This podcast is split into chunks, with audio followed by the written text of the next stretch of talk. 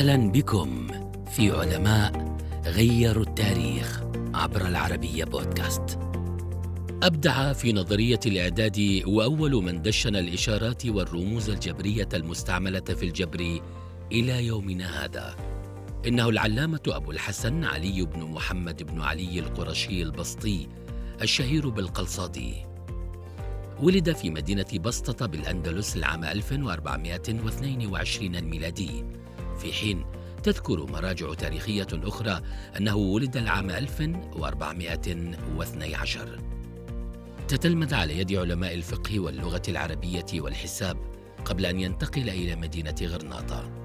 هناك بدأ نجمه بالظهور.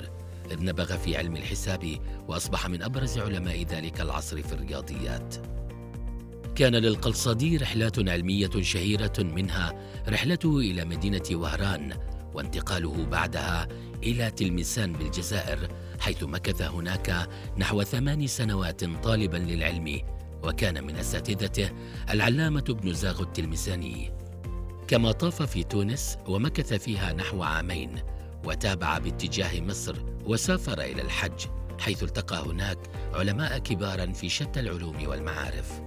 بعد نحو خمسة عشر عاما عاد القلصادي إلى الأندلس مشبعا بخبرة علمية وشخصية فريدة جمعها من بلدان المشرق والمغرب العربي لتكون له ذخرا في إبداع مؤلفات لها أثرها حتى اليوم. برز القلصدي في علم الرياضيات وأبدع في نظرية العدد وله فيها ابتكارات عدة وقد شرح نظريات عالم الرياضيات الشهير ابن البناء المراكشي في الحساب مضيفا الكثير من المعلومات خصوصا في نظرية الكسور. من أبرز إنجازاته في علوم الرياضيات أنه أول من رسم الكسور وشرح بدقة كبيرة طريقة إيجاد الجذور لأي عدد. كما يعد أول من استعمل الإشارات والرموز الجبرية المستعملة في الجبر حتى الآن.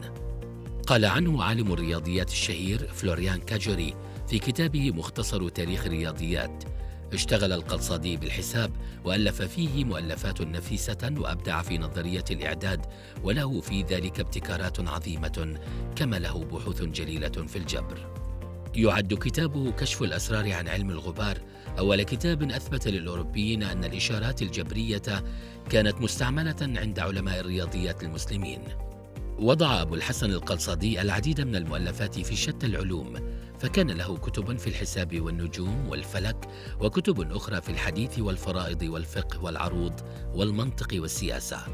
من أبرز مؤلفاته كشف الأسرار عن علم الغبار وشرح الأرجوزة الياسمينية في الجبر والمقابلة وبغية المبتدئ وغنية المنتهي وكشف الجلباب عن علم الحساب ورسالة في قانون الحساب.